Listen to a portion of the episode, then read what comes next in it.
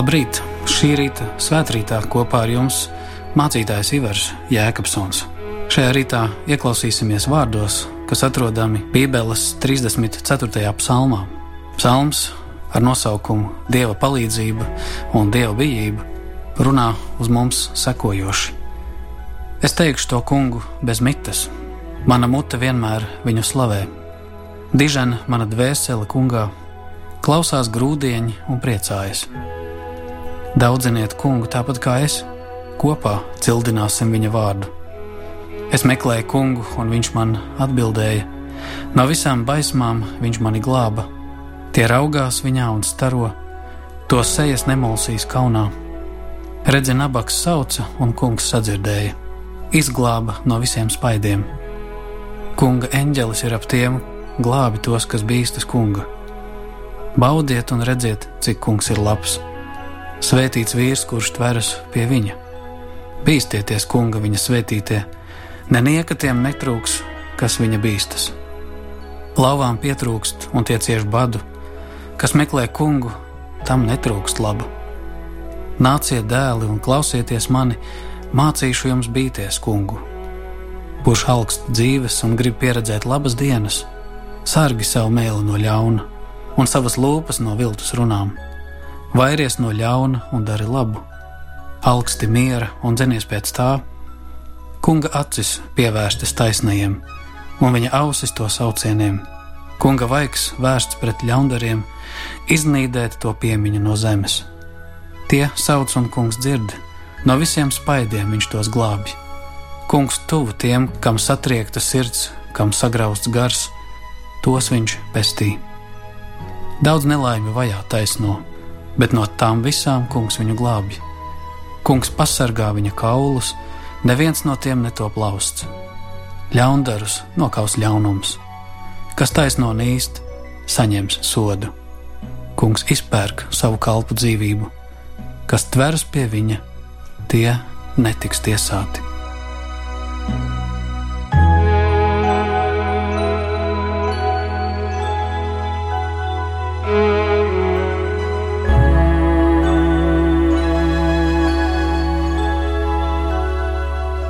Kungs, Dievs, mēs tevi lūdzam, svētī mums šo tavu vārdu. Tavs vārds, ko lasām Bībelē, ir patiesība. Āmen!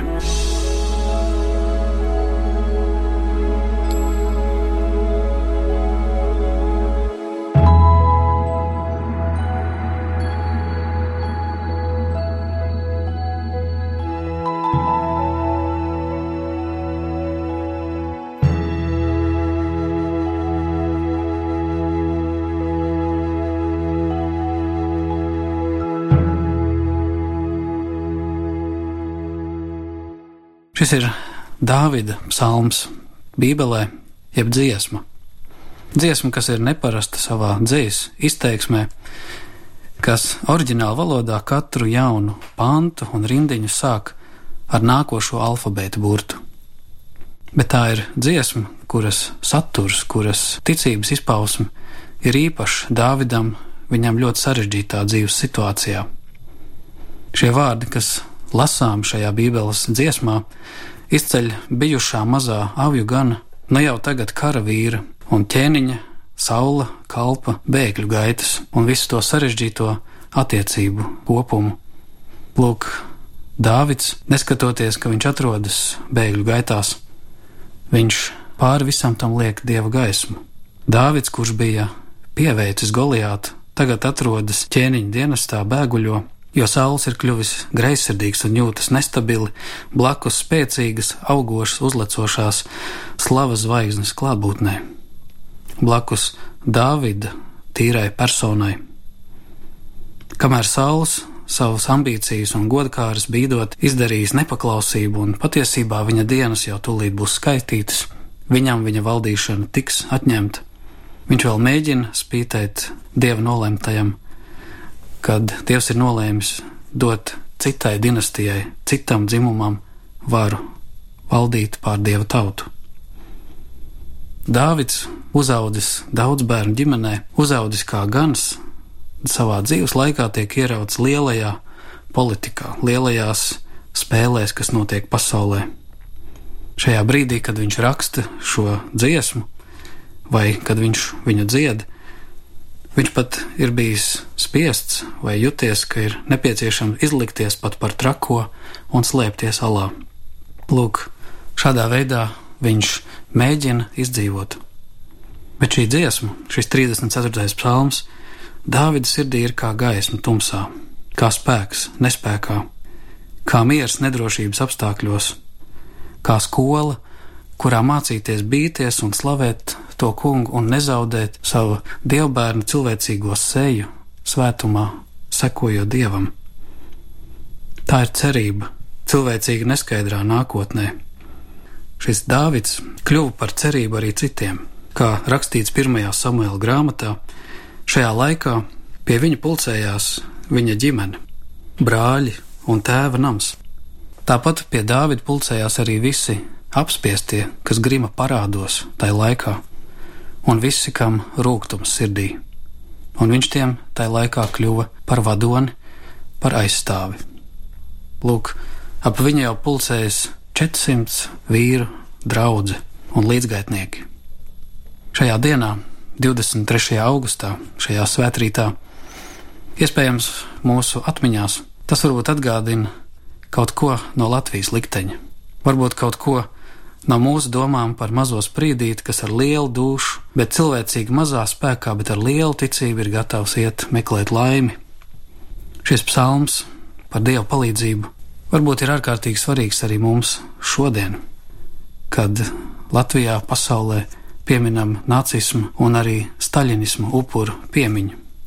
23. augusts, kas mūsu vēsturē ir arī tā saucamā Molotova-Ribbentropa pakta parakstīšanas diena 1939. gadā, un arī vēlāk pēc 50 gadiem Baltijas ceļa diena, kad apmēram 2 miljoni cilvēku sadevās rokās, lai veidotu 600 km garu ķēdi, liecinot tā laika pasaulē par netaisnību, kas notikusi pret Baltijas valstīm un citām tā savienojot Tallinu, Rīgu un Viļņu. Lūk, tajā dienā, kurā arī man reiz bija tas gods piedalīties, saslēgties rokās ar daudziem, liecinot par vēsturisko netaisnību. Ļoti līdzīgi kā Dāvida situācijā.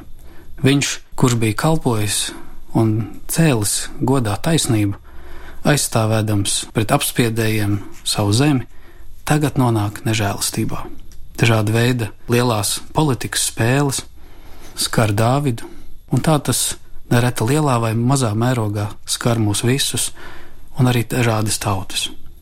Lielās valstis sauc to par tā laika ārpolitikas metodēm, vai lielo biznesu, vai miera panākšanu visai apšaubāmos un sarežģītos apstākļos. Notikumu ir tik daudz visā šajā ķēdē, kas daudziem lika iet ciešanu ceļu šeit, šajā dāvida dziesmā, arī mēs varbūt esam aicināti ieklausīties un ieraudzīt, ka, lai kāda būtu bijusi un ir mūsu situācija, pat tad, ja visa situācija dzīvē ir kļuvusi nestabila, Dāvids tomēr slavē to kungu un ir kopā ar grūdiņiem un māc tiem gaismu un prieku tajā visā. Viņš saka, daudziniet to kungu tāpat kā es, kopā cildināsim viņa vārdu. Es meklēju to kungu, un viņš man atbildēja, un arī no visām baismām viņš mani glāba. Lai tie raugās viņā un staro, sejas nemulsīs kaunā, redzi, nabaks sauca, un kungs sadzirdēja un izglāba no visiem spaidiem. Jā, tā bija cīņa par izdzīvošanu, varbūt pat daudzajā ziņā būt vai nebūt atmodas laikā Un es domāju, vai tiešām pietika tikai ar tādu fizisku sadošanās rokās, ar tādu tautas miljoniem cilvēku vienotību vien. Es ticu, ka tas laikmets bija ne tikai tāda fiziska sadošanās rokās, bet garīga liecība un garīga cīņa sadodoties rokās ar Dievu, ar visaugsto, svēto, taisno, spēcīgo un žēlsirdīgo. Kā šis psalms saka, Svētīgs ir tas vīrs, kurš tveras pie viņa. Baudiet un redziet, cik tas kungs ir labs. Daudzi dzīves stāsta vēstīja par to, Kā šķietami neskaidros nākotnes apstākļos, cilvēki ir redzējuši dieva gaismu un pat vīzijas, ka dievs noliks visu savās vietās, ka ļauno piemeklēs viņa paša liktenis. Līdzīgi kā šīs dziesmas noslēgumā ir sacīts, ļaundaras nokaus ļaunums, un kas taisno ienīst, saņems sodu. Ne mums bija spēka un arī vara, bet tas kungs visu laika gaitā salika savās vietās. Un pat tad, ja šodien un šobrīd vēl daudz kas paliek ar sajūtu, ka taisnība nav panākta, mēs kā tautas sakām vārdā varam sacīt, dieva dzirnas tomēr maļ lēni un labi. Un pasaules gals un mūžīgā gaisma un pastarā tiesa saliks visu ātrāk vai vēlāk pa plauktiņiem. Bet tas mūsu jautājums visās šajās dzīves pārmaiņās, ko cilvēki cits citam ir nodarījuši, ir, vai mēs nezaudēsim dievbijību savā sirdī, nezaudēsim ticību. Tas brīnišķīgais apsolījums ir, ko daudzi cilvēki ir izjutuši dzīves pārmaiņu ceļos, ka tiem, kas bīstas to kungu, tiem, kas uzticas viņam, ir pārdabiska vadība un žēlastība klāta. Kunga eņģelis ir ap tiem, kā šis psalms 8. pantā saka.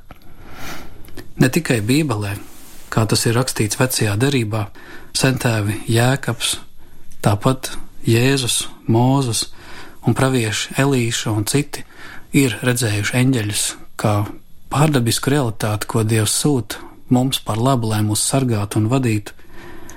Patiesību sakot, tas nav tikai tāda sena dzīslas izpausme kaut kam, bet tā ir atklāsme par reālo garīgo pasauli, ko Dievs ir radījis. Ja arī šajā pasaulē ir ienācis ļaunums, kritušo eņģeļu dēļ, pāri cilvēkiem vēl aizvien notiek šī garīgā cīņa par dvēselēm, un tomēr Dievs, kas ir visspēcīgs, ļaunais, kas patiesībā ir sakauts un nogāsts, tikai raustās savā agonijā, censdamies pievilt un paraut sev līdzi, ko vēl iespējams. Dieva visu spēcību ir bijusi klātesoša ikvienam. Kā viens no spilgtākiem un daudziem mīļajiem Bībeles psalmiem un dziesmām ir tas 91. psalms, kur arī ir apsolīts, ka nekas tev nekaitēs. Tas kungs būs ar tevi un izraus tevi no savām bēdām un cels tevi godā. Un viņš liks, jeb pavēlēs saviem eņģeļiem, ka tie nesīs tevi uz savām rokām, ka tu kāju nepiedauzi pie akmens. Tā es atceros kāds vīrs laukos, Malpilī, kur kalpoja daudzus gadus, stāstīja par savu dzīvi, kā šādu dievvvārdu dziesmu uz lapiņas uzrakstītu ielika krekla kabatā viņam mamma, kad viņu iesauca armijā un karā. Un viņš kara laikos tiešām tika sargāts, vadīts, apskrāmbāts, bet izdzīvoja, pārnāca mājās.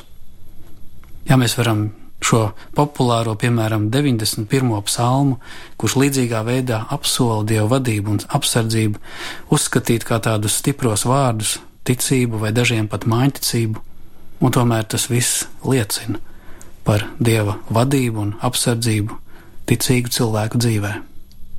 Kunga eņģelis ir ap tiem, glābi tos, kas bīstas. Baudiet un redziet, cik tas kungs ir labs. Svētīts ir vīrs, kurš tveras pie viņa.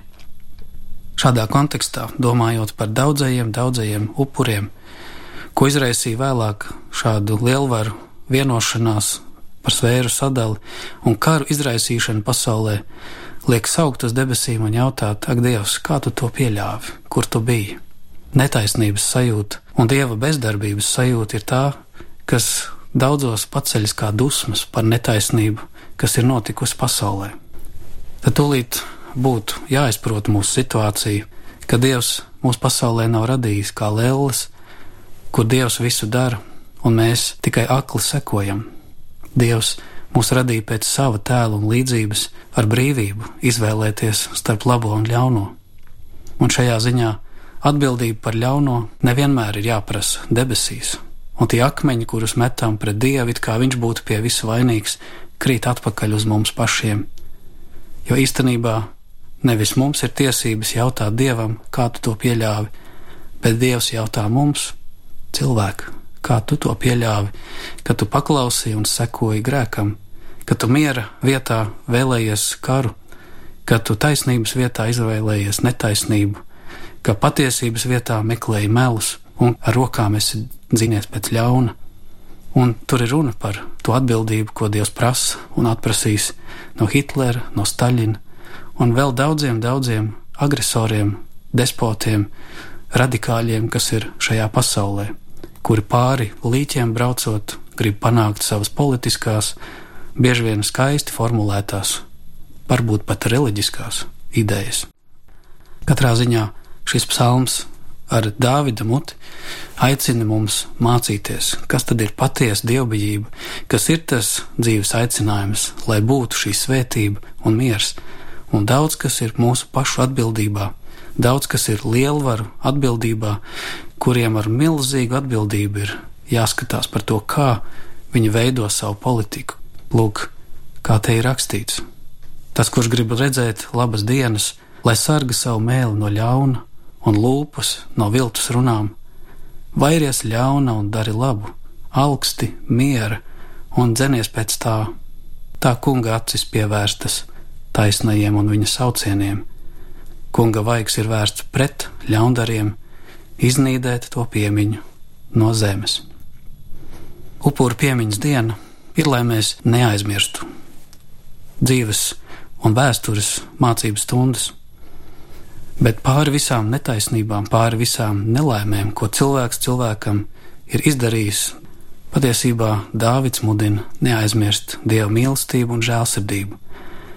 Kaut arī daudz nelaimju vajā taisno, kā šeit rakstīts, bet no tā kungs glābj. Kungs pasargā viņa kaulus, ka neviens no tiem netop lausts. Ļaundarus nokaus ļaunums, kas taisno nīst, saņems sodu bet tas kungs izpērk savu kalpu dzīvību. Šī psalma noslēgums ir pravietisks.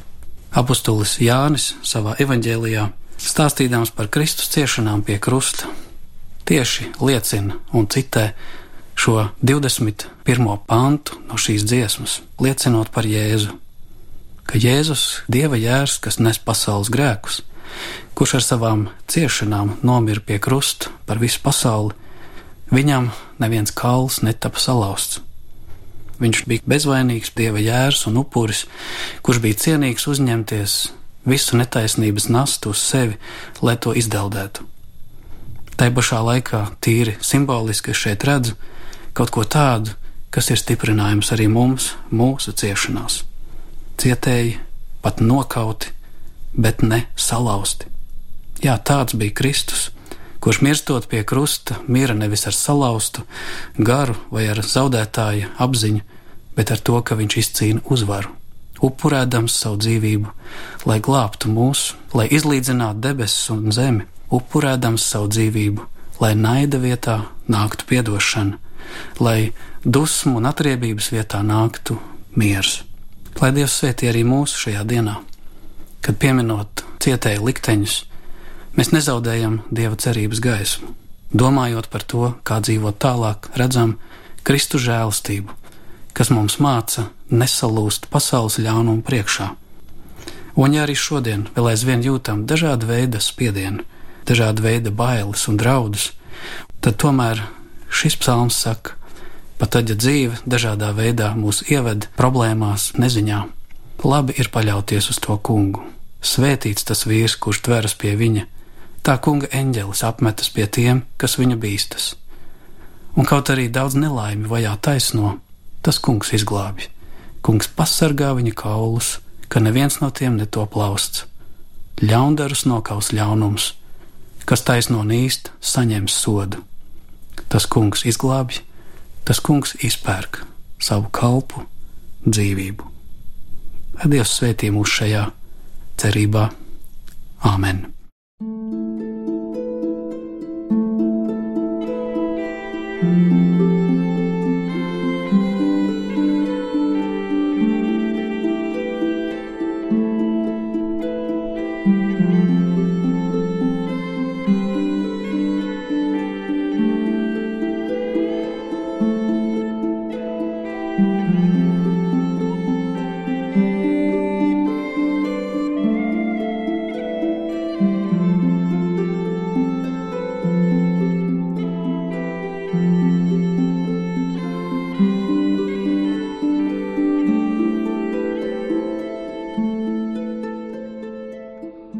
Mīļais debes Tēvs, mēs Tevi lūdzam, svētī mūs šajā rītā, šajā dienā, kad atceramies arī mūsu tautas un daudzu tautu ciešanu likteņus, kur dažādu lielvaru politisko lēmumu rezultātā, varas ambīciju rezultātā pasaulē ir bijuši kari, netaisnība, vajāšanas, ciešanas. Mēs lūdzam svētī, ka šajā brīdī mēs raugamies ne tikai uz to netaisnību vienu, bet raugamies uz tavu žēlastību, kā tu mūs esi vadījis, darījis stiprus un neesi atstājis mūsu bēdā un izmisumā. Kā tu saviem ticīgiem esi ļāvis piedzīvot vadību un apsardzību, un pat ciešanās un nāvē, esi dāvinājis cerību uz mūžību, kur nebūs vairs pēdu, vaidu un sāpju. Mēs pateicamies par tiem, kas savas dzīvības ir upurējuši, lai taisnība vairotos. Mēs pateicamies, ka pieminot šo pasaules vēstures skolu, ka tomēr ka varam mācīties no tā, lai tas neatkārtotos. Kungs, Dievs, svētī mūsu zemi un tautu ar mieru, ar ticību un cerību, caur Tavu dēlu Jēzu Kristu, kad visu uzticējuši Tev, lūdzam, kā Viņš to ir mācījis. Mūsu Tēvs debesīs, svētīts lai top Tavs vārds, lai nāk Tava valstība, Tavs prāts, lai notiek kā debesīs, tā arī virs zemes Mūsu dienascho maizi dodi mums šodien, un piedodi mums mūsu parādus, kā arī mēs piedodam saviem parādniekiem. Un neievedi mūsu kārdināšanā, bet atpestī mūs no ļauna. Jo tev pieder valstība, spēks un gods mūžīgi mūžos. Āmen!